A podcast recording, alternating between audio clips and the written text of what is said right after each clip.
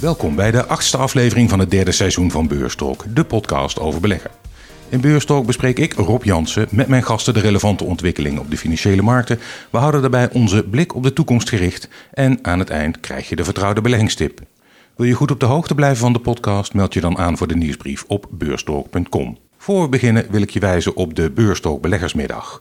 Op donderdagmiddag 27 oktober aanstaande organiseert Beurstalk in samenwerking met onze partner van ECK en met Euronext een beleggersevenement. Dat zal plaatsvinden in de beurs, Beursplein 5 in Amsterdam. Let wel, dat is niet hetzelfde als de beurs van Berlage. Die ligt ernaast. Het wordt een leerzame middag. De sprekers zijn Martijn Rozemuller van Van Eck ETS, Edin Mujagic van OHV Vermogensbeheer en Dirk Donker van Euronext. Als je naar beurstalk.com gaat en rechtsboven klikt op event, dan vind je het programma. Ik hoop jullie er allemaal te zien. Je kunt tickets bestellen op tickets.beurstalk.com. En wees er snel bij, want het aantal plaatsen is beperkt. We gaan door met de podcast. Mijn gasten in deze achtste aflevering van seizoen 3 zijn Richard de Jong van Verlieshout en Partners en Han Dieperink van Aureus Vermogensbeheer. Welkom. We trappen af met het sentiment en op weekbasis heeft de AEX het niet slecht gedaan met een plus van 2,8% op dit moment. Um, het is wel zo dat straks nog het banenrapport komt uh, in Amerika en dat zou nog voor de nodige reuring kunnen zorgen. Han, uh, wat zie jij in je glazen bol voor de komende weken maanden als we kijken naar de aandelenmarkt? nou, wat me wel op wel glazen bol, hoop. Uh, wat me wel opvalt is dat veel mensen negatief zijn geworden. Dus eigenlijk sinds Jackson Hole uh, waar dan toch die negatieve speech is geweest van, uh, van uh, Powell. dat ook heel veel effectenhuizen, ook de grootste, toch wel forse bijstellingen hadden in hun koersdoel naar beneden. Dus ze hadden daarvoor blijkbaar toch dat, ja, het scenario van een, een zachte landing. En nu opeens moet dan de harde landing ingeprijsd worden. Um, verder zie je dat ook de liquiditeit in de gevarenzone is gekomen. Dus de liquiditeit wordt geknepen door de centrale banken, dus met name door de Fed. En die zit nu in een zone waar je denkt, nou, er gebeuren financiële ongelukken. We hebben de Britse pensioenfondsen gezien, we hebben gezien wat er met Credit Suisse gekomen. En eigenlijk is dat goed nieuws, want dat betekent dat de centrale bank misschien moet ingrijpen. Omdat, ja, we kunnen wel de inflatie beteugelen, maar als het pensioensysteem omvalt, dan moeten we dat maar eerst doen. Dus dan zie je ook opeens dat zo'n centrale bank in het VK dan de 180 graden draait van QE naar eigenlijk yield curve targeting. Dus dat ervoor te zorgen dat de rente maar laag blijft. Uh, verder zie je de inflatiecijfers dalen, wat op zich positief is. Um, mensen denken ook, ja, de winstcijfers gaan onderuit. Want dat is natuurlijk wat de reden dat iedereen dat negatiever is geworden. Maar het is dan wel de meest voorspelde recessie ooit. Ik kan me dan niet voorspellen dat er dan niets is verdisconteerd in de beurskoersen. We hebben natuurlijk september gehad, is de slechtste maand. Um, dus van nu af zijn er wat betere maanden, zitten wat beter in het seizoen. Ook in het vierjaars presidentscyclus in de VS gaan we richting het derde jaar, wat eigenlijk het beste jaar is in de presidentscyclus. Um, en wat ik ook wel een beetje denk is dat ja, de Fed zat eigenlijk sinds 2018 al fout. En misschien wat ze nu weer doen met hun beleid is dat weer een, uh, weer een fout. En nogmaals, als je het over sentiment hebt, veel sentimentsindicatoren zijn extreem negatief. En zo negatief zelfs dat je dan dat meestal ziet op de bodem van de beurs. Ja. En dat is misschien ook de reden dat de beurs dit, deze week wat positiever is. Want het was zoveel slecht nieuws, dat ja, dan kan het eigenlijk alleen maar beter gaan. Ja, en jij ja, onderschrijft dus eigenlijk waarom jij zelf ook uh, niet zo heel erg somber bent. Mag dat zo ik ben niet zo somber. Ik ben, uh, aan de ene kant zie ik dus bijvoorbeeld bij obligaties zie je veel meer mogelijkheden dan wat er komt natuurlijk de rente spectaculair sterk gestegen is. Als jij uh, een daling van 20% hebt in sommige obligatiecategorieën. Dat is ongekend. Hè. Als je 20 jaar terug, ja, 30 jaar terugkijkt, dan is een slecht obligatiejaar is al min 4 of min 3 procent. En nu hebben we het over min 20 procent. Hm. Ja, dat uh, opeens de, de, rente op uh, bedrijfsobligaties, dat was een procentje. Hè. Dat is nu opeens 5 procent of 5,5 procent als je het wereldwijd afdekt naar euro. Ja. Nou, dat is toch een uh, heel aardige investment case. En ook voor aandelen ja, als iedereen zo negatief is en uh, de, buiten de VS was alles wel verdisconteerd. in de VS kun je zeggen ook wel de stijgende winsten nog wel en dalen de koers. Dat is meestal ook wel goed voor de waardering. Dus. Mm. En het, ja, het is de tijd van het jaar, wordt het beter. Dus ik denk niet dat de hele bear market, dus het kan nog best wel een jaar of anderhalf jaar duren. Maar ik denk dat het toch wel tijd is voor een uh, tussentijds herstel. En dat kan best wel fors zijn. Uh. Richard, Hannes niet zo heel erg somber. Die ziet ook lichtpunten, jij ook? Ik zie lichtpunten voor de, voor de hele korte termijn. Eh, de beurs is, en ik deel de mening van Han, is eh, wat mij betreft ook wel rijp voor een technisch herstel, noemen we dat. Omdat iedereen zo negatief is. Iedereen is naar dezelfde kant van de boot gegaan en dezelfde kant uh, gaan vluchten. Uh, maar ik vrees op iets langere termijn, zullen we zeggen de komende maanden, kwartalen, ben ik helaas nog niet negatief omdat ik denk nog dat, niet positief. Uh, sorry, nog niet positief. Omdat ik denk dat nog lang niet al het uh, slechte nieuws... en dan met name de recessie die eraan komt, hmm. is ingeprijsd. Ik denk wel dat we de inflatie grotendeels hebben ingeprijsd. De bijbehorende rentestijgingen grotendeels hebben ingeprijsd. Dat zien we ook in de koers-winstverhoudingen. Maar als ik zie dat er voor volgend jaar in de VS nog een winstgroei van 5% wordt verwacht in het eerste en tweede kwartaal, zelfs als ik de energiesector eruit haal, uh, is daar nog wel ruimte voor tegenvallers. En vandaag eigenlijk de supercyclische sector, de chips, TSMC, AMD, kwamen echt met negatieve cijfers. En nou kun je dat wel verwachten. Hoe kan het anders? Ehm, maar wat mij verontrust is dat in korte tijd de ondernemingen uh, hun vooruitzichten eigenlijk heel snel neerwaarts bijstellen. Hmm. De eerste was FedEx, die er eigenlijk mee begon. Hmm. Twee maanden eerder nog hartstikke positief, nu niet meer. En ik vandaag hetzelfde met een, met een AMD, een chipproducent. Uh, het wel positief is, de koersreacties vallen wel mee. En dat is eigenlijk wat Han ook zei, heel veel slecht nieuws is dus wel hmm. ingeprijsd. Dat is geen verrassing meer voor de markten. Hmm. Ja, je moet niet onderschatten dat de laatste, een beetje de vrees natuurlijk dat het net zo'n grote bearmarkt wordt als de laatste twee. Hè. Dat is een min 50 procent, die hebben we dan twee, deze eeuw gezien. Maar toen was het probleem feitelijk tijdens die bearmarkt was het deflatieprobleem. Het feit was dat de economie, pas toen het moment dat de economie gestabiliseerd was, durfde de markt weer omhoog te kijken. En dat is nu niet het probleem. Economisch hebben we geen probleem. Economisch gaat het eerder te goed dan te slecht. En nu is het probleem gewoon dat de rente stijgt. Hm. Dus eigenlijk alle koersverliezen dit jaar, dat is allemaal door rente gedreven. En nu is dus inflatie het probleem. Dus op het moment dat we denken, nou, dit is dan de piek in de rente. Ja, dan zou het net als in de jaren 70 aan die bear market. Als de piek in de rente daar is, ja, dan kan het ook een bodem in de markt zijn. Dus ik denk dat onderliggende economie, of ook de winstontwikkeling, dat is niet het grote probleem. Ik denk dus dat het echt dat de rente en inflatie veel meer de focus zou moeten zijn, of zou zijn, denk ik, dan wat de vorige keer. Dus iedereen heeft toch het idee van ja, we, we, moeten pas herstellen op het moment dat de beurs gestabiliseerd is, op het moment dat de economie gestabiliseerd is. En dan moet de rente nog veel verder omlaag. Nee, dat, dat, dan wacht je te lang. Ik denk dat je eerder kan instappen. Hmm. En je zei net, uh, ja, er komt eigenlijk een mooie periode aan, hè, het najaar. Uh, maar ja, oktober is ook de maand met de meeste beurscrashes in het verleden. Nou ja, er zijn natuurlijk een aantal hele beruchte. Hè, 1907, 1929, 1987, daar hebben ze allemaal wel gehad. Um, en het zijn wel beurscrashes die dan ook een voorgeschiedenis hebben. Dat het niet zo dat het daarvoor al heel lang slecht ging. Sterker hm. nog, bijvoorbeeld in 1987 ging het juist heel erg goed tot aan de crash. En toen was het ook een beetje het vreemde dat de rente steeg en terwijl de koersen stegen. Dus dat was eigenlijk een vraag om ongeluk. Op een gegeven moment moet het dan gedraaid worden. Uh, dus je ziet dus dat, uh, mijn stelling is dat een beurscrash in oktober een grotere kans heeft op het moment dat het daarvoor heel erg goed gaat. Ja. Dus op het moment dat iedereen heel negatief is en dat er heel veel pijn al is verdisconteerd in de koers, dan is de kans op een beurscrash niet zo groot. Aan de andere kant, ja, je hebt gelijk op het moment dat uh, de, de, de, liquiditeit onder druk staat, zoals we nu zien. We zien het in het Verenigd Koninkrijk, we zien het met Credit Suisse. Ja, het is gewoon wachten tot er een groot financieel ongeluk gebeurt.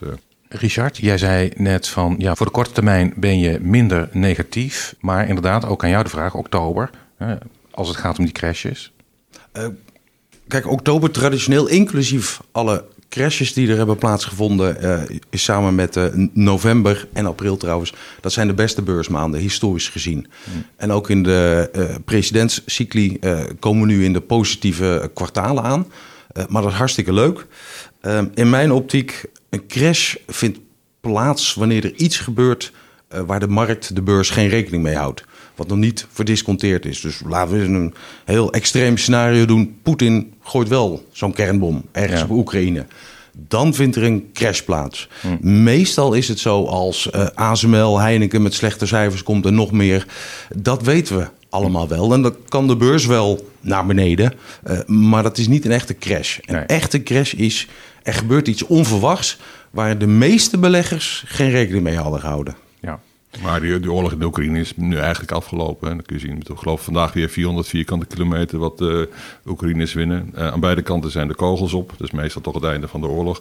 De Amerikanen kunnen claimen dat ze gewonnen, gewonnen hebben. Die betaalden dan tot voor kort 12 miljard aan de Oekraïners. En nu is het nog maar 980 miljoen. Die denken ook wel, het is wel een keer genoeg zo. De Russen kunnen geen kant meer op. Dus die, uh, je moet eigenlijk maar gewoon op een wapenstilstand aan, uh, aanschuiven. Aan, proberen aan te sturen. En de verliezer, voor de derde keer op rij dit jaar, is dan Duitsland. want ja, die heeft natuurlijk de twee vorige oorlogen ook al verloren. En nu met die Nord Stream 1 leiding die kapot is, ja, kunnen ze niet meer terug naar Rusland. Dus nee. ik denk dat het grootste daar achter de rug, het meeste daar achter de rug is. We hebben toen een paar weken geleden zag het kantelpunt, zeg maar echt, dat die Oekraïners heel veel terrein wonnen. Ja, nu is het eigenlijk voorbij. Ja, nog niet op papier, maar voor de, voor de, voor de beurs. Ja. Het is eigenlijk nog niet vent geworden. Oké, non-event voor de beurs. Ja, dat is een beetje misschien wel... Uh, dat, ik denk niet dat iedereen het met mij eens is, maar... Uh... ben je het er mee eens? Nou, laten we het hopen. Uh, kijk, als we echt iets hebben geleerd... laten we niet naïef zijn wat Poetin zou kunnen doen. toen al die troepen opbouwen langs de grens van Oekraïne... er waren maar heel weinig beleggers die zeiden... Ah, hij gaat echt het land aanvallen. sterker nog, ik had het ook niet gedacht hoor. want wie gaat daar nou vanuit? En nu hoor je weer exact dezelfde redenatie. Natuurlijk gaat hij geen bom gooien. Dan moet je wel, moet je wel gek zijn als je dat uh, gaat doen. Met alle gevolgen van dien. Uh, maar het zou zomaar kunnen hmm. gebeuren. De man staat natuurlijk onder druk in zijn eigen, in zijn eigen land. Uh, dus ik hoop echt van harte menselijk gezien dat het voorbij is. maar ik durf mijn hand er niet voor in de vuur te steken. Obligaties, jij noemde net uh, obligaties, Han. Ja. Um, aandelenkoersen zijn dit jaar flink afgekomen. Uh, ik lees inderdaad ook steeds meer over obligaties als interessante beleggingscategorie. Is dat inderdaad ook voor de particulier een interessante optie nu? Um, nou, zeker voor de particulier. Hoewel uh, je hebt natuurlijk het nieuwe fiscale systeem uh, te maken. Dus dat is dan weer vervelend. Want het valt, obligaties vallen onder beleggingen. En dat uh, forfaitaire rendement voor volgend jaar is vastgesteld op 6,17 procent. En daar wordt dan ook nog een keer 32 procent vermogensrendementsheffing over gegeven. Hm. En als je dan kas hebt, dan hoef je er niks te betalen. Dus dat betekent dus dat kas al snel dan een uh, voorkeur heeft. Maar als je kijkt naar de rendementen in obligaties, bedrijfsobligaties bijvoorbeeld, dus investment grade, daar vallen dus nauwelijks kredietverliezen. Dus dat is vooral het high yield stuk. Uh, ja, dan is het tegen 5,5 tegen de 6 procent gehedged naar euro. Uh, dat betekent dat tot je toch een buffer hebt, een behoorlijke buffer hebt. En stel je nou voor dat er een recessie komt en de rente met een procentje daalt, maar dat er eigenlijk geen bedrijven omvallen in de bedrijfsobligaties, investment grade, ja, dan heb je dan gewoon een procent of 10. En ik kan me, het zou me verbazen als over een, jaar de inflatie daar nog steeds 10% is. Uh, en je ziet ook dat het instapmoment, want bij aandelen heb je als instapmoment, ja, als de fix echt doorschiet, dan moet je instappen. Dus die boven de 40 uitkomt. Maar je hebt ook een uh, tegenhanger daar aan de obligatiekant, dat heet de MOVE-index. Ja, die is ook uh, op de ene hoogste stand ooit, staat hij nu. Dus, mm. dus heel onrustig in obligatiegebied, want ja, de rente gaat omhoog en niemand lijkt te weten waar de rente naartoe gaat. Dus dat zorgt voor die onrust. Um, en ik zou niet meteen nog volle bak high yield gaan, want ja, daar zit toch nog een beetje in van uh, dat, dat dat zachte landingsscenario. Dus, maar in, uh, dat komt hij misschien. Kijk, yield in Amerika is ook al 9% rente. Dat klinkt al heel mooi, zeg maar. Want ik vind altijd dat je toch al iets van een procent of vier moet hebben aan buffer. Uh, om zeg maar uh, in high yield te stappen. Maar dat komt ook deels door de gestegen rente. Dus ik, zou eigenlijk nog een paar procent bovenop moeten voor het echte dieptepunt. Maar bij bedrijfsobligaties, die, die zijn gek genoeg ook harder gegaan als je het vergelijkt met high yield. Denk ik dat het wel het moment gekomen is om wat, wat op te pakken. Hoe kijk jij daarnaar, Richard? Uh, het is misschien goed voor de luisteraar om even te beseffen... als de rente stijgt, dalen obligatiekoersen. We dat even als uh, ja. basis nemen. Uh, ik heb wat rentes gewoon, als je het nu zou kopen... zeg je, ik beleg er niet in, op een rijtje gezet. Laat ik beginnen met, stel, we hadden in Amerika gewoond... en we hadden deze podcast in het Engels gedaan. En dan was mijn antwoord, ja, dit is een hartstikke mooi niveau. De tweejaarsrente, heel veel langer zou ik niet gaan zitten. Want als de rente verder stijgt dalen jouw aandelenkoersen. Maar de tweejaarsrente... Obligatiekoers. Uh, obligatiekoers is 4% 4 en een kwartje zelfs. Uh, en als je dan uh, naar bedrijfsobligaties gaat, krijg je 75 basispunten gemiddeld extra. Veilige obligaties. Nou, heb je een procentje of 5. Niks mis mee. Uh, zeker niet als je het vergelijkt met uh, het normale alternatieve aandelen die alleen maar dalen op dit moment. Dus daar zie je echt wel een move. De grote partijen die uh, uit aandelen en in money markets en in obligaties stappen. Voor een uh, Europese belegger zoals, uh, zoals wij. ik laat het aan je, aan je luisteraars over op, maar de risicovrije Duitse tweejaarsrente, dus weer dezelfde periode, gebruik ik als, als basis voor Europa, voor ons als belegger, is 1,8, 1,9 procent. Dat is de staatsrente, voor twee jaar vast. Dus wat er ook gebeurt, jij krijgt twee keer 1,8, 1,9 procent. Uh, nou, als je zegt, ik wil iets meer risico lopen en ik ga naar een bedrijfsobligatie, gewoon veilig van de Unilevers van deze wereld, krijg je, uh, dat is nu een opslag van 1,25 procent, zie je een procentje of drie voor belasting. Uh, aan jouw luisteraar om te beoordelen of dat een leuker alternatief is dan, uh, dan sparen of dan aandelen. Ehm, en de high yield wat zegt, daar zit je nu, uh, die heeft het relatief goed gedaan. heb je een opslag van 6% ten opzichte van die 1,8, 1,9. Nou heb je een procentje of 8, 9. maar dan mogen natuurlijk geen bedrijven dan failliet gaan. Dus dan hangt het af van jouw beeld. Gaat die economie het een beetje goed doen? Zullen er veel bedrijven failliet gaan of niet? Als jij positief gestemd bent over de economie, zeg nou, ik denk dat het wel meevalt. dan heb je in ieder geval een buffer van 6%. Nou, daar, heb je wel, uh, daar kun je wel mee vooruit. Uh, maar voor mij als, als, als belegger in een mix, uh, ik zie de rente nog wel in Europa stijgen, dus ik ben er voorzichtig mee. en 1,8 plus een opslag dat je op een procent of 3 komt voor veilige obligaties. Het is veel beter dan in de afgelopen jaren. Dat was echt helemaal niks. Dus het begint weer wat leuker te worden. Uh, maar ik zou nog heel even wachten. Uh, Han, als je bescherming zoekt uh, tegen inflatie, hoge rente, recessie, energiecrisis, welke aandelen, sectoren zou jij dan kiezen? Uh, ja, het aardige is dat als je kijkt naar de start van de recessie, dat is historisch meestal een heel goed moment om in aandelen te stappen. Uh, het lastige is natuurlijk dat die recessie waarschijnlijk in Europa al begonnen is. zou kunnen, dat is altijd moeilijk te voorspellen. In de VS zie ik hem nog niet hoor, dus uh, dat misschien wel pas tweede helft volgend jaar, misschien pas in uh, het jaar daarna, 2024. Nog een hele hijs om die recessie daar te krijgen. Um, ja, we zitten in een bear market, dus er moet dus een. Meestal wat je in de bear market ziet, is dat er verandering van leiderschap is. Dus dat de, de winnaars van de vorige bull market, die de kaart toen trokken, dat die niet automatisch de winnaars zijn van de, van de volgende bull, maar van de komende bullmarkt. Um, dus dat betekent dat IT eigenlijk afvalt. Dus moet je andere kandidaten zoeken. En als je dan kijkt toch wat er nu aan de hand is, met name ook op energiemarkten, um, dan zou ik toch de grootste kansen toedichten aan energie, mijnbouw, maar dat is feitelijk ook energie tegenwoordig, want mm. we gaan we hebben een metalen energietransitie, dus we gaan van gewoon fossiele brandstoffen naar metaal, en dan zo ziet het er eigenlijk uit. En ik denk ook dat als um, de volgende boelmarkt begint, en dat is een beetje, het hangt natuurlijk een beetje samen met wat je verwachting is van de dollar, als die wat zwakker wordt, dat mijn, die energiebedrijven, mijnbouwbedrijven in samenhang met uh, emerging markets, dat toch wel relatief zijn goed. En emerging market komt dan toch weer China hmm. naar voren. Dus ik denk dat dat de segmenten zijn. En als je zegt hele specifieke bedrijven die je moet kopen op, uh, in de cyclus, dat is het wat lastiger. Hè? Je ziet natuurlijk nu dat iedereen erg defensief zit. Low-vol, uh, veilige bedrijven die niet gevoelig zijn voor de cyclus. Op het moment dat je natuurlijk herstel ziet of dat de recessie door het dal heen kijkt. Maar ik denk dat het daar eigenlijk iets te vroeg voor is. Dus ja. ik ben meer aan het pinpointen. Je weet dat op de bodem van de bear market, dat begint gewoon de volgende boelmarkt. Mm. En er zijn bedrijven dan te koop die dan spectaculair goedkoop zijn. Mm. En dan moet je gaan speculeren. Dus wat is dan, uh, hoe ziet de volgende boelmarkt eruit? En uh, ik denk dat deze segmenten op zich, zich wel lenen voor zo'n verhaal, wat misschien wel vijf of acht jaar kan duren. En waar je dan zo van kunnen profiteren. En waar zie jij dan de kansen, Richard? Nou, als, je, als jouw luisteraar zichzelf wil beschermen tegen de inflatie en, en, en de hoge rente.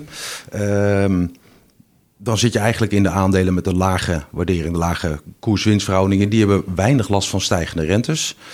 Uh, maar wat ik in het begin van de uitzending al zei, ik denk dat we dat traject al hebben gehad.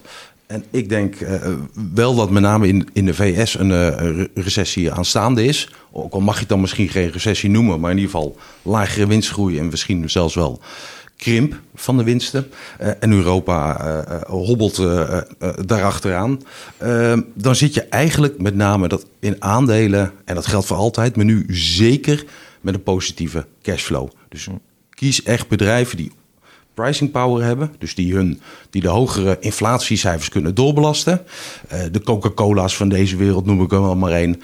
Uh, en kies dan bedrijven die eigenlijk een omzet op peil weten te houden. Of het nou economisch goed gaat of slecht gaat. Uh, de McDonald's van deze wereld, uh, die kwamen ook weer met hele goede uh, cijfers. dat zijn bedrijven die, die ik dan zou selecteren. Of als je met een ETF belegt, kies dan zeg maar die ETF's die als factor hebben quality. Ja. Um, en eerlijk gezegd, ehm, als de klanten de mogelijkheid hebben, schrijf er ook een kolletje op. Want je weet maar nooit wat er in, uh, in dit soort gekke tijden gebeuren. Zeker de komende paar maanden. Han, wat ik wel opmerkelijk vond, hè, want de, koersen zijn uh, redelijk uh, afgekomen. Lees ik deze week dat bij banken en brokers veel particuliere beleggers of minder handelen... of zelfs hun hele portefeuille liquideren en ermee stoppen. Dat is toch onverstandig? Uh, ja, dat is een beetje de vraagsteller zou beantwoorden, geloof ik. Hè? Want uh, ja, op de bodem stappen nu eenmaal veel meer mensen uit. En op mm. de top stappen mensen graag in. Um, ja, dat het niks menselijk is. Veel mensen vreemd natuurlijk. Mm. Uh, je, hebt al onderzoek geweest in het verleden dat uh, dan kijken ze naar alle beleggingen bij elkaar, hoe die dan renderen. En dan kijk naar de beleggingen die mensen dan zelf gekocht hadden, hoe die dan renderen. En dan bleek toch per jaar wel soms een verschil van 2% tussen te zitten.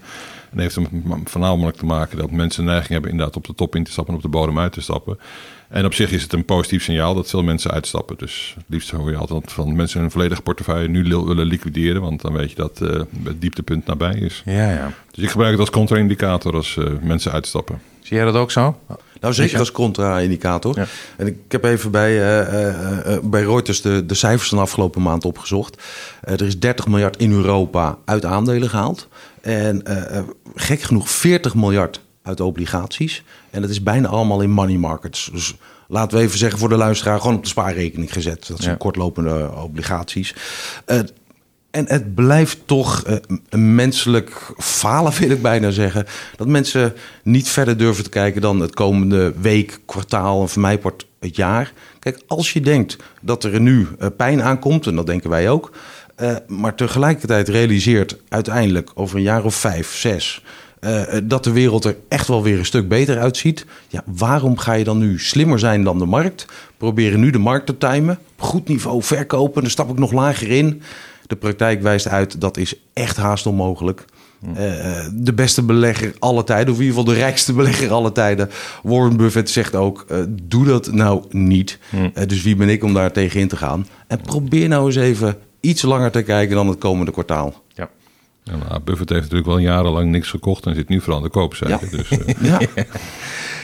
Han, jij noemde net al even uh, Engeland. Uh, de Britse premier Liz ja. Truss die heeft een maatregel, het schrappen van het hoogste belastingtarief, weer ingetrokken. Maar veel andere belastingverlagingen blijven wel gewoon in stand. Nou, het pond is enigszins hersteld ten opzichte van de euro, maar de rente blijft met ongeveer 4,2% hoog vergeleken met het verleden. Wat moeten regering of de centrale bank of allebei precies doen om dat weer naar beneden te krijgen, die rente? Nou ja, het, oh, die centrale bank die, die doet dus rare dingen. Want die uh, was aan de ene kant dus twee weken geleden bezig met QE. Dus het, uh, het inkopen van, of het, ja, het inkopen of het, het verruimen van obligaties. Nu sorry, gedraaid van QT, quantitative tightening, naar QE. Dus was eerst wat obligaties aan het inkopen.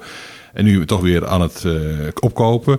En met, sterker nog, dat ook gezegd is dat het, het whatever it takes moment is eigenlijk gekomen. Dus uh, wat we dan, we zullen in ieder geval voor zorgen dat de rente laag blijft om de pensioenfondsen te helpen.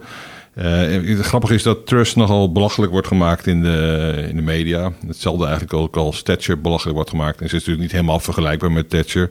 Maar het heeft natuurlijk ook een beetje onconventionele maatregelen die toen ook wel nodig waren. Wat zij op hoopt is dat ze eigenlijk de, meer aan de aanbodzijde probeert ze de boel te verbeteren. Ze heeft uh, natuurlijk die uh, belastingverlaging heeft ze als doel waarschijnlijk om toch mensen weer terug te lokken naar Londen. Uh, de bonusplafond is er weer af en dat soort zaken. Dus mm. dat bankiers in Londen dan belasting gaan betalen in plaats van in Frankfurt of in Parijs. Nou, in Nederland zit er niet zoveel, want we hebben een strak bonusplafond. Maar ja, dat is, als je dat terug kan, dat betekent dat de belastingopbrengst dan omhoog gaat. Dus dat is al positief.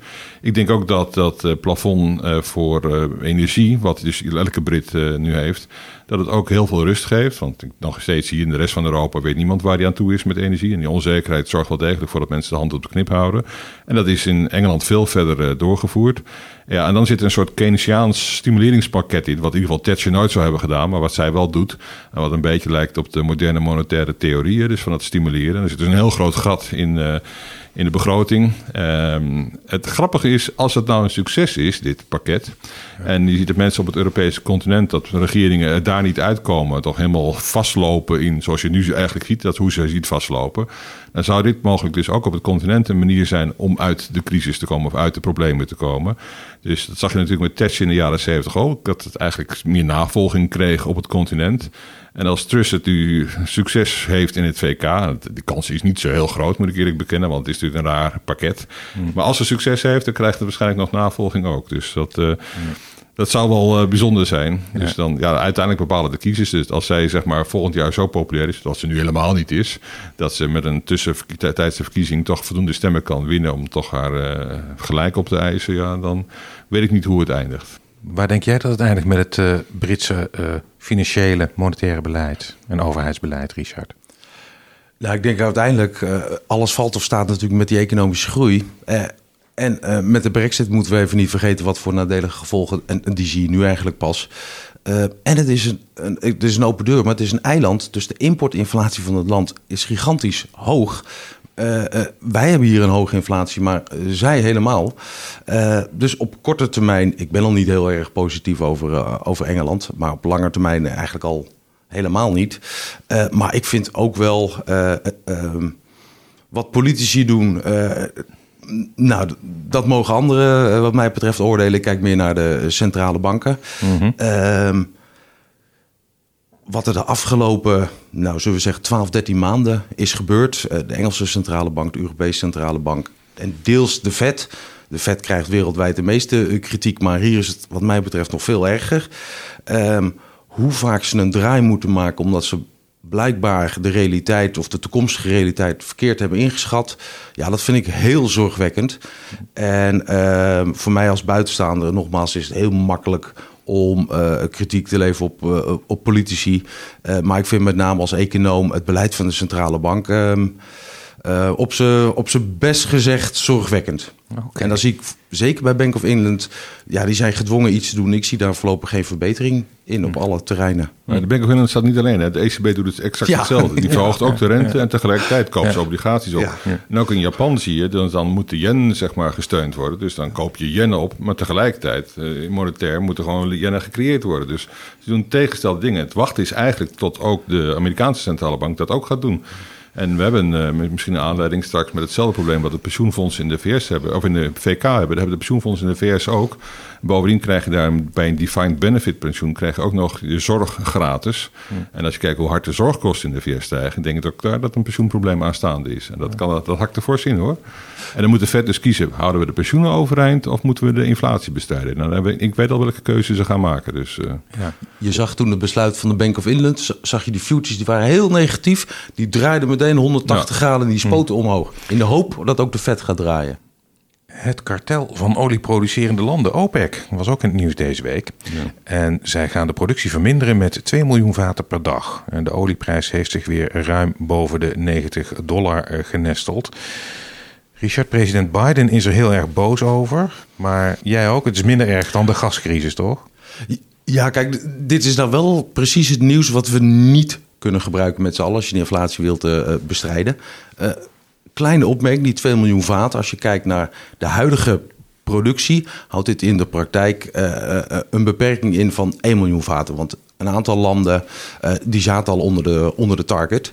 Ehm, er zijn nu, nogmaals, want dit, dit wil je niet hebben, dat je weer toekomstige inflatie gaat krijgen. Net nu de goederinflatie lekker naar beneden aan het gaan is, ehm, wil je niet een hogere olieprijs hebben. Hmm. Er zijn nu al geruchten dat ze in de VS in ieder geval bezig zijn om de sancties uh, naar Venezuela te verminderen. Zodat Chevron daar weer olie kan boren. In de hoop, uh, dat scheelt weer een aantal uh, duizenden vaten per dag. Um, en ze gaan de strategische voorraden iets verminderen. Daar hadden ze nog wat speling in het huidige pakket. Dat willen ze misschien wat verder gaan uitbreiden. Maar goed, 1 miljoen vaten. De totale productie volgens mij in de VS is 13,1 per dag. Ja, dit is echt fors. En uh, ik, ik vind de reactie nog meevallen op de oliemarkt. Uh, dat had erger gekund. Uh, maar als belegger, net nu we de goedereninflatie... ik wil niet zeggen onder controle, want dat is echt nog niet waar... maar het gaat in ieder geval de goede richting op. Ja, is dit nou... Ja, had, ik had het liever niet gezien, eerlijk gezegd. Ja, stevige bummer. Ja, dat behalve als je natuurlijk een oliemaatschappij belegt. Want ja. je ziet de olieprijs niet hard genoeg stijgen. Dat, ja, dat is overigens, die oliemaatschappijen zijn helemaal niet gewaardeerd op dit soort olieprijzen. Die staan dan gewaardeerd op 50 of 60 dollar voor een uh, vat olie. Die zijn zo spectaculair goedkoop. En bovendien een hoge olieprijs is ook goed voor het milieu. Want dan gaan we naar alternatieven. Maar ja, het wordt oneindig veel gesubsidieerd, uh, geloof ik, fossiele brandstof op dit moment. Um, ja, als je kijkt naar Venezuela, op zich zou dat kunnen. Want die produceerde in het verleden 4 miljoen vaten per dag. En nu alles geloof ik nog niet eens een half miljoen vaten per dag. En wat uh, Venezuela, uh, waarom ze dat zo omlaag gekukeld is, is omdat ze geen onderdelen hadden. En, en nog een land wat binnenkort geen onderdelen meer heeft na deze koude winter, dat heet Rusland. Dus Rusland uh, produceert ook olie, maar al die onderdelen waarmee olie geproduceerd wordt, die worden niet in Rusland gemaakt.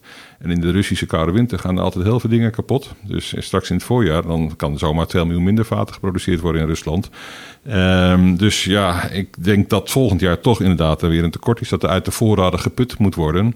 En die voorraden die zijn al redelijk laag, dus uh, ja, dat drijft dan de olieprijs verder op. En er zit altijd een punt waar je dan zegt dan, waar dan de vraaguitval is. Hè. Dus dat zag je natuurlijk in 10, meer dan 10, 12 jaar geleden ook. Uh, alleen nu is die olieprijs niet tot, hoeft niet tot dat niveau te stijgen, omdat er ook nog uh, raffinagecapaciteit tekort is. Hmm. Dus tegenwoordig zijn de raffinagemarges heel erg hoog. Hè. Als je kijkt naar de hoge dieselprijzen, waar dan het tekort is, maar ook omdat het vooral uit Rusland komt. En uh, die extra raffinagemarge, dan zit je het al op, omgerekend op 170, 180 dollar voor een vat olie. Als je kijkt naar de piek die we de afgelopen tijd hebben gehad. En dat is wel het moment waar er dus vraaguitval begint. Dus waar mensen beginnen minder, beginnen te verbruiken. Maar exact is ook moeilijk te voorspellen, want je ziet nu de Duitse industrie ook overgaan van aardgas op stookolie. Het gaat al bijna om een miljoen vaten per dag wat, eh, als de, Russen, of Duitsers straks klaar zijn. Maar die willen nog niet, niet meer de aardgas. Uh, dus en je ziet ook als je zelf gewoon een hybride auto rijdt, als je straks 90 eh, cent voor een kilowatt moet betalen, of je kunt voor 1,80 tanken aan de pomp, ja, dan is dat uh, toch aan de pomp een stuk verdeliger dan elektrisch rijden. Dus uh, ja. ik neem aan dat al die hybrides dan niet meer elektrisch gaan rijden. Of je moet zonnecel op je dak hebben liggen. Maar, dus het is heel gek. Gas, elektriciteit is belachelijk duur en olie is eigenlijk veel te goedkoop. Hm.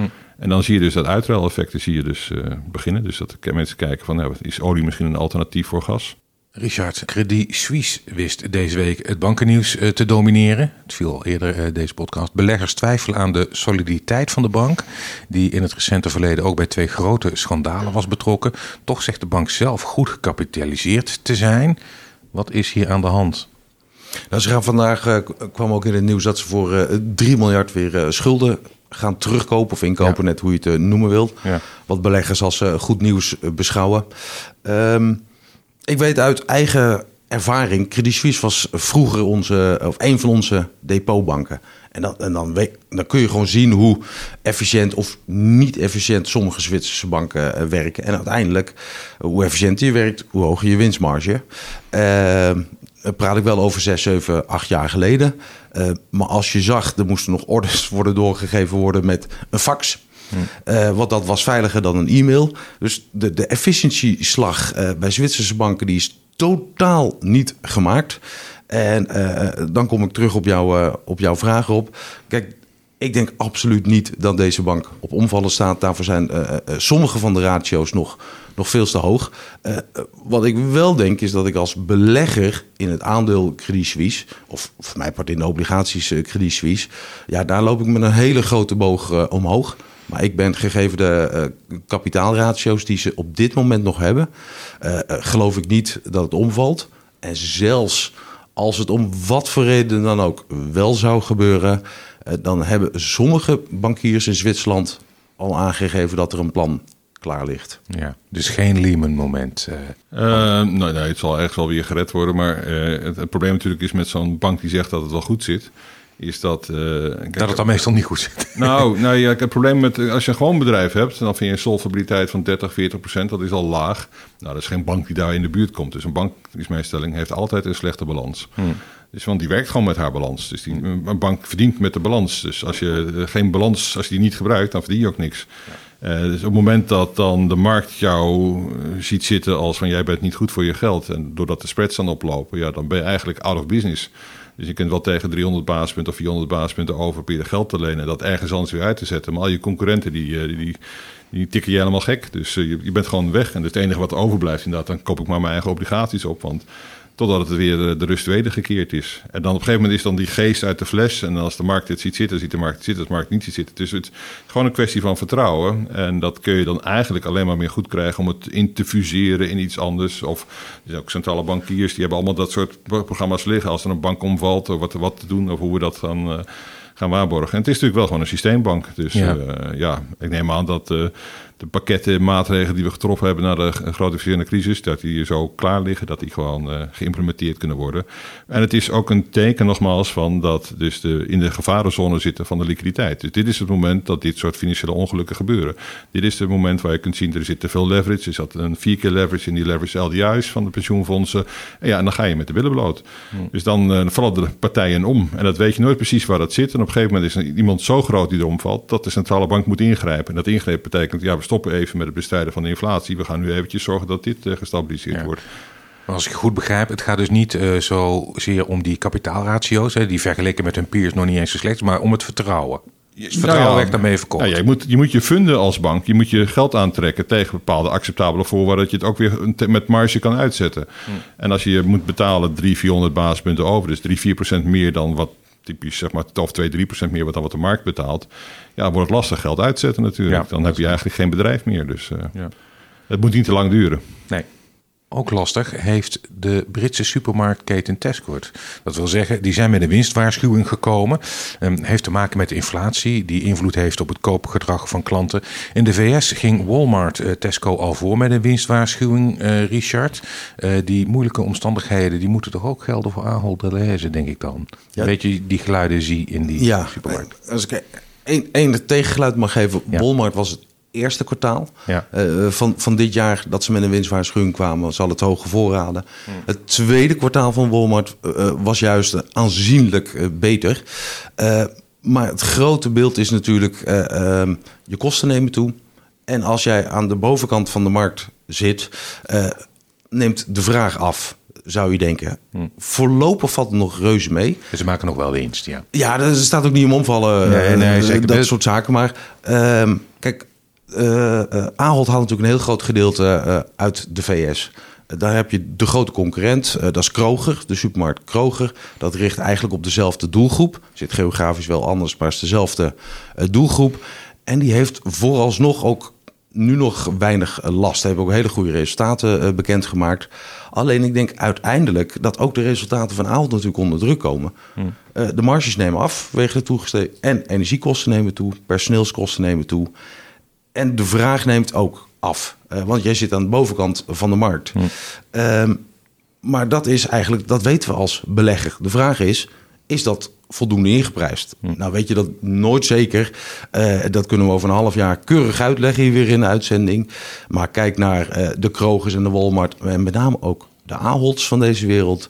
Ja, je ziet op eh 10, 11, 12 keer de winst. Dat is niet spectaculair duur. Dus we weten dat het allemaal een tandje minder wordt. Eh, waar ik mij persoonlijk, en ik beleg niet in Ahold, meer zorgen over maak. Dat is zeg maar het bol.com verhaal, zeg maar de online groeiers. Eh, dan vergelijk ik het een beetje met een Amazon. Eh, die hebben het bijzonder moeilijk. Neem ook niemand meer in dienst, of althans niet meer in vaste dienst. Wel even tijdelijk, want kerst komt er zo meteen aan. Ehm, en dan is de vraag, ja, dat bol.com, dat is de groei motor. Eh, en dat zorgt ook voor, eh, eh, niet voor de winst, maar wel voor de omzetgroei. Daar maak ik wat meer zorgen over. De rest, denk ik, is wel grotendeels ingeprijsd. Want de vraaguitval aan de bovenkant van de markt eh, en de toegenomen kosten, dat weten we meestal wel. Zie jij dat ook zo? Ehm, nou, ik zie bij, eh, als je het over het Nederlandse supermarkt hebt, dat is natuurlijk een, meer een vechtmarkt. Hè? Dus Ja. dat is eigenlijk zijn de boodschappen hier nog steeds het goedkoopst in de wereld, van de hele wereld zo'n beetje. Eh, en als je kijkt naar de Nederlandse supermarkt, die marge is ongeveer 2,5 procent. En ik denk dat ze het in Nederland bijna tot een kunst verheven hebben om te zorgen, voor te zorgen dat ze die marge overeind kunnen houden. Dus je hebt ook eh, dingen als bier, bananen, brood. Dat gaat wat allemaal met verlies verkocht. Hè? Want brood is, moet, had die prijs in de supermarkt ook een stuk hoger moeten zijn. Eh, alleen maar om in de mix weer ergens anders je marge terug te pakken. Nou, als je naar de supermarkt kijkt, heb ik niet het idee dat de prijzen echt achterblijven bij eh, de prijsontwikkeling. Dus die marge denk ik dan wel dat erin is. Maar vooral in Nederland zijn ze daar erg goed in. Ik denk dat Tesco daar gewoon iets minder goed in is. Die ziet Ja. ook wel de loonkosten stijgen. Maar ja, die, uiteindelijk moet je dat die toch terugzien in de prijs. En dan hier is het vooral natuurlijk het gevecht om marktaandeel, wat altijd eh, dan eh, een hele belangrijke rol speelt. Maar ik denk dat juist die concurrentie in Nederland, eh, juist onze supermarkten een stuk scherper houdt dan de internationale supermarkten. En dat ze dus daar ook net iets beter zijn in ook het bewaken zijn van die marge. Als je dan toch de luxe hebt dat je een soort monopoliepositie, dat je niet aangetast wordt, ja, dan laat je het een beetje lopen. En dan heb je niet helemaal door wat er gebeurt. Ik denk dat dat hier veel minder groot is, die kans. Dus ik denk dat we daar beter in zijn. Afgelopen week kwam ook Tesla met wat gegevens, namelijk de verkopen van het afgelopen kwartaal. Ze leverden een record aantal auto's af, maar wel minder dan analisten hadden verwacht. Het bedrijf gaf ook aan dat het problemen verwacht bij het afleveren van auto's. De toeleveringsketen is nog verstoord. Tegelijkertijd lees je dat Tesla op sommige markten aandeel verliest ten opzichte van concurrenten, dan met name Volkswagen, Richard. Dan moet ik zeggen, Tesla is al vele malen doodverklaard. Hoe kijk jij daarnaar, naar die cijfers? Ja, ook door mij. Dus het is echt een. eh, eh, wat Elon, Elon Musk heeft gepresteerd als ondernemer. Dat is natuurlijk ongekend. Daar kun je echt alleen maar eh, je pet voor afnemen. Wat mij bij de cijfers opviel, zijn eigenlijk twee dingen. En daar kun je denk ik als belegger ook wat van leren. Is namelijk voorraadvorming. Dat hebben we bij Nike gezien. Dat zien we nu bij Tesla weer. Ehm, ze blijven met een voorraad zitten. En of dat nou door supply chain komt of door vraaguitval. Uh, want ook GM klaagt over supply chain. Uh, je ziet gewoon dat uh, bij Tesla was de productie hartstikke mooi. Maar de verkopen vielen tegen. Dat zagen we bij Nike ook. en dat betekent dat de toekomstige verkoopprijzen onder druk komen te staan. Nou, dan moet je je afvragen, oké, hoe kan het dan dat zulke verschillende bedrijven dat die last hebben van vraaguitval? Want was het alleen maar Tesla geweest, kun je zeggen, dat is, heeft Tesla uh, specifieke redenen. Uh, maar je ziet het bij heel veel bedrijven. Uh, dus op dit moment zeg ik, nou ja, het aandeel is natuurlijk knoepertje duur. Uh, ik geloof er absoluut helemaal niks van dat Tesla straks niet meer bestaat. daar hebben we het geen eens over. Die heeft gewoon een plek op de markt veroverd.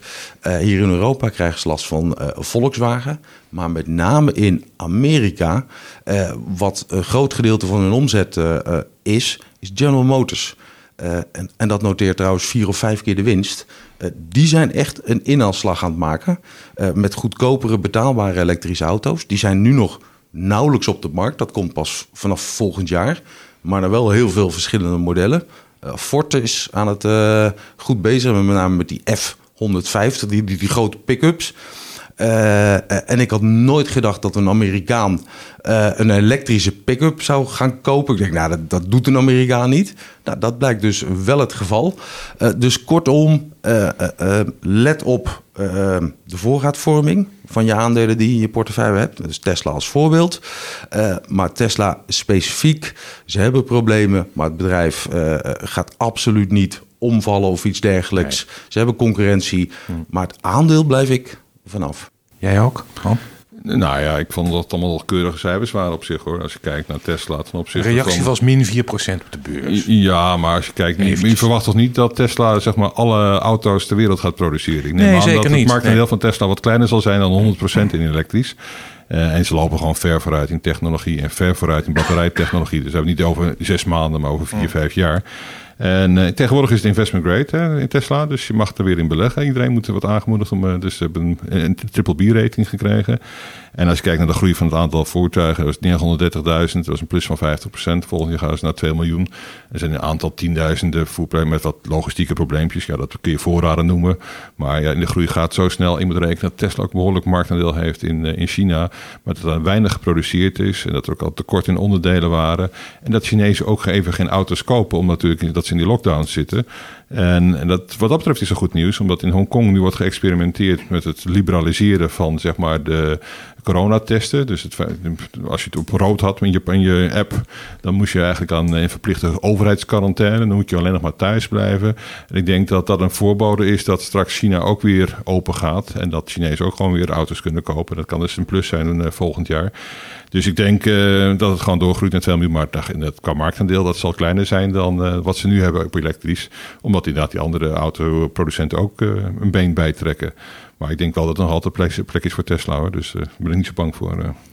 Ja, nu we toch bij Elon Musk zijn aanbeland, overname van Twitter, eh, die gaat door, maar ik geloof dat hij de deadline wil opschuiven, Richard. Ja, dit is, Jij mag gokken, gaat het door of niet? Ja, dit, is, dit, dit, wordt natuurlijk een script voor een of andere mooie film, dat, dat, dat kan niet anders. Uh, als ik de, de, de, met name dan de Amerikaanse media, dat wordt 24 uur per dag uh, nu uitgezonden. Uh, even ter herinnering, hij had een bod gedaan uh, per aandeel, ik zeg het even uit mijn hoofd, 54 dollar 20. Uh, iedereen dacht dat het niet door zou gaan. Uh, hij had ook gezegd, ik doe het lekker niet. blijkbaar, en de rechtszaak werd er meteen gedreigd zoals dat gaat in Amerika. En terecht in dit geval. wilde hij een korting hebben van 30 procent op, zijn, op, op de koers die hij had geboden. Dat is hem niet gelukt, blijkbaar. Uh, het aandeel staat nu, toen ik hier naartoe reed, Rob, zo uh, rond de 50, 51.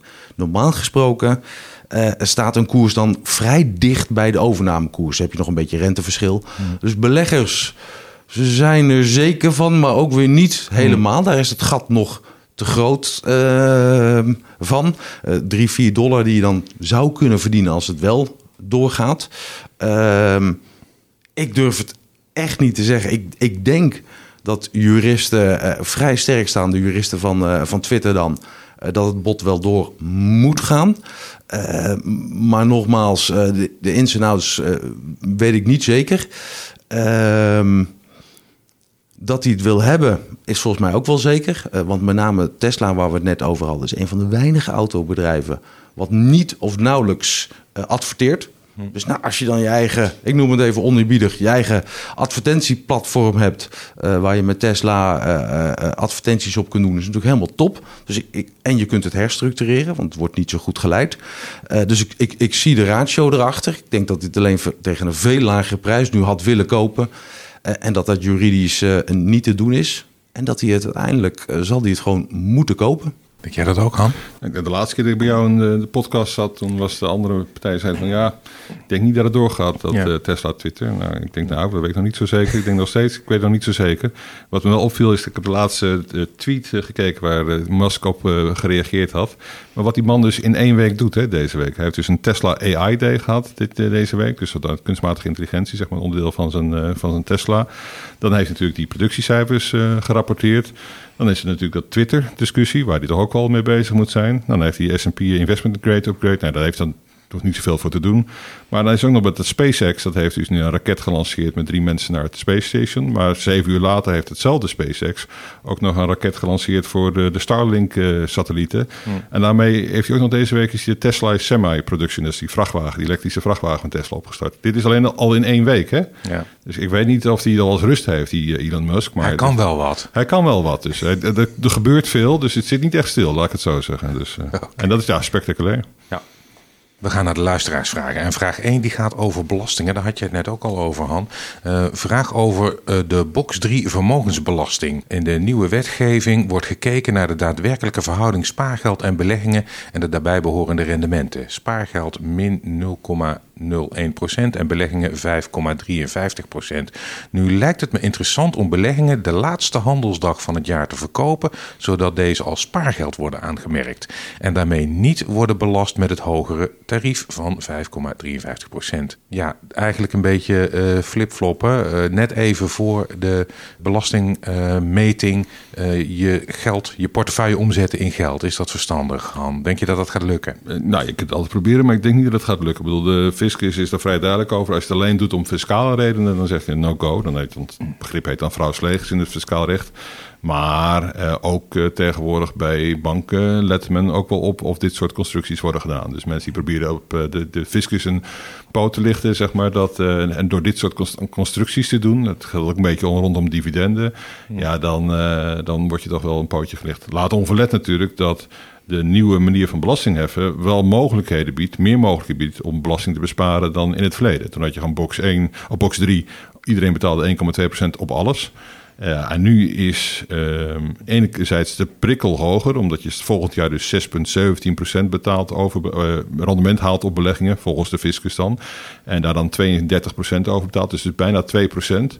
Ja, dat is meer dan 1,2 procent. En dan begint toch te kijken van, ja, wat kan ik eraan doen bijvoorbeeld om de belasting te besparen?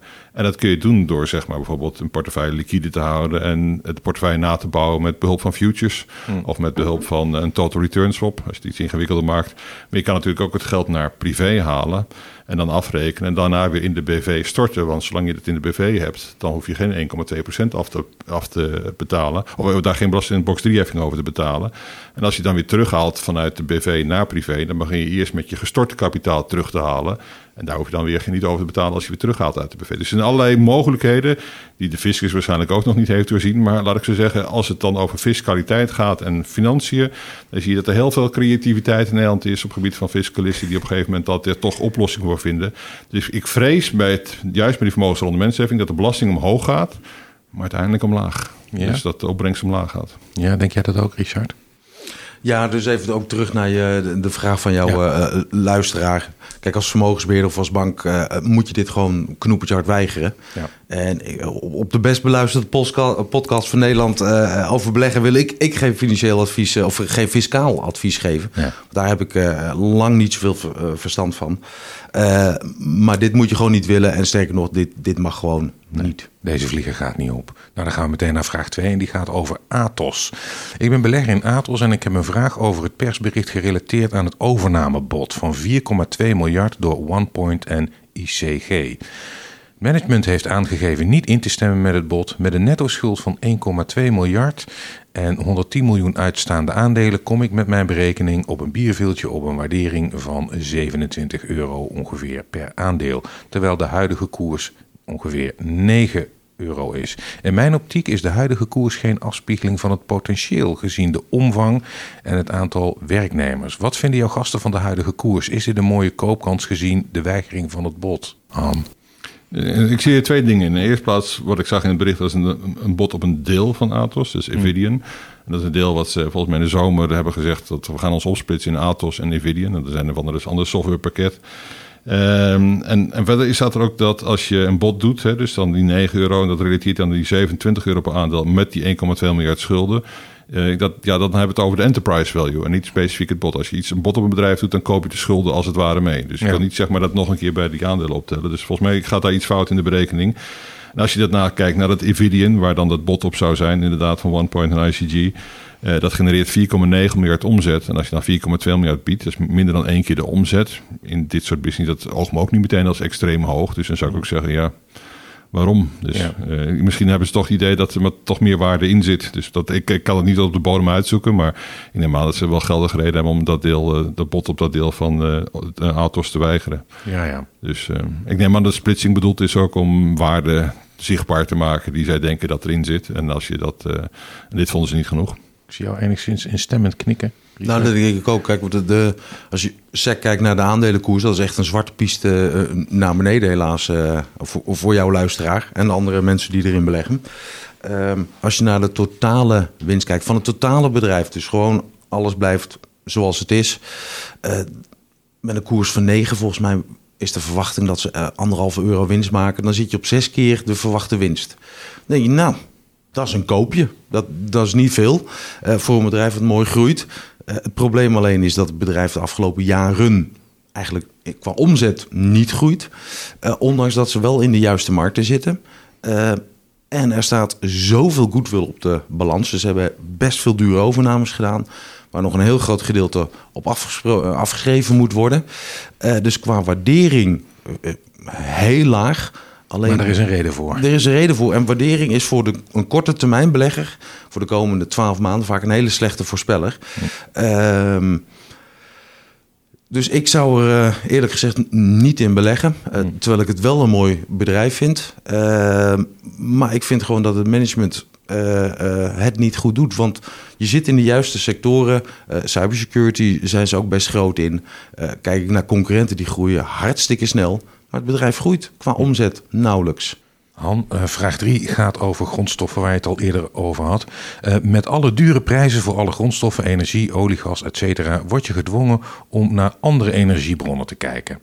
Hydrogen, eh, waterstof dus, was zeer interessant rond februari 2021, maar heeft ondertussen een terugval.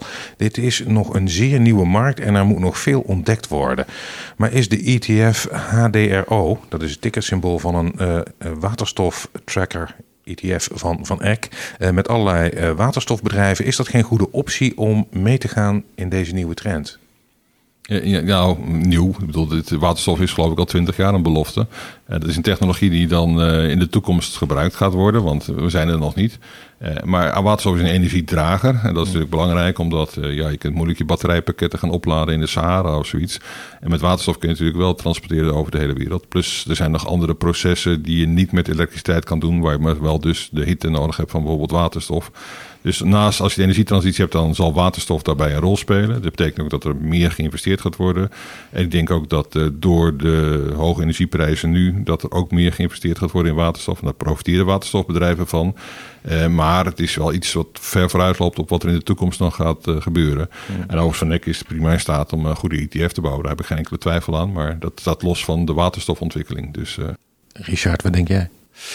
Nou, in alle openheid en eerlijkheid, eh, wij beleggen niet in deze ETF. Maar als je kijkt wat er in die ETF eh zit, er, ehm, daar zit voor 15% plugpower in. Daar heb ik tijdens deze podcast in het verleden ook wel eens wat over eh, verteld. En voor eh 10, 11% bloem. Dus je zit voor een kwart in twee aandelen. Ehm, ik denk wat de luisteraar goed ziet, wat Han ook heel goed vertelt. Die waterstoftrend die is volgens mij eh, eh, vrij duidelijk. Alleen als belegger, eh, uiteindelijk wil je wel investeren in winstgevende bedrijven. En hopelijk maken ze een beetje op korte termijn winst. Uh, een plugpauw, de grootste belegging, hebben wij ook in een offensieve portefeuille. Zij maken de tankstations van de waterstoffen. Zij maken motoren op basis van waterstoffen, met name voor vorkheftrucken. En hebben de echt de grote jongens als klant. Hartstikke mooi. en Bloem houdt zich ook volledig bezig met heel de waterstoftransitie. Alleen het maakt allemaal geen winst. Hm. Het zijn wel allemaal. Zeer lange termijn. Uh, ja, en we weten nu juist in dit soort omgevingen. Uh, uh, waarbij een rente omhoog gaat en een bedrijf maakt geen winst. En Bloem dan nog wat eerder dan Plugpower. Ja, je zit op 100, 200 keer de verwachte winst in de toekomst. Ja. Dus heel die trend moet wel uitkomen. En het liefst ook wel een, eh, een beetje snel wel positief is voor de, voor de luisteraar op. Uh, het anti-inflatieprogramma uh, van Biden, die wetgeving. Wat niet zozeer gericht was op het bestrijden van inflatie, maar ook voor een heel groot stuk op het bevorderen van de energietransitie. Zag je juist dit soort aandelen die schoten omhoog. omdat er heel veel nieuw geld, met name in de waterstofmarkt in de VS, geïnstalleerd of gepompt wordt. De laatste vraag, um, die gaat over, uh, over inflatie. Blijkbaar zijn in de eurozone de producentenprijzen in augustus toegenomen met ongeveer 45 procent. De inflatie bedroeg toen ongeveer 10 procent. Van die stijging van 45 procent krijgt de consument dus zowat 10 procent zijn de 1 kwart doorgerekend. Klopt deze redenering in grote lijnen? Ik weet dat de tijdslijn wel enige rol speelt, maar daar maak ik in deze een abstractie van. Um, wie moet die resterende 35 procent dragen? De groothandel, distributeur, winkelketen, uh, kunnen die dit verwerken of volgen er massale verliezen? Of klopt mijn redenering helemaal niet? Uh, ik ben bang het laatste. Oh. nee, want als je kijkt naar de producentenprijs, die waren inderdaad 43,3 procent. Dus afgerond 45, oké, okay, uh, gestegen. Als je ex-energie kijkt, en dan zie je een belangrijke component, dan hebben we het over 14,5 procent op jaarbasis. En als ik het heel simpel uitleg, dan krijgt een boer in Nederland, en dat is dan de producent, voor een liter melk krijgt nu 36 cent. En als je dan in de supermarkt kijkt, dan kost hij nu 1,29. Nou, stel je dus dat je 45% stijging hebt bij die boer, dan gaan we naar 52 cent voor een liter melk. En dat betekent dat in de supermarkt dan 1,45 kost, want dan komt die 16 cent erbij op. Mm. Voor de producentenprijzen is het dan dus 45% stijging.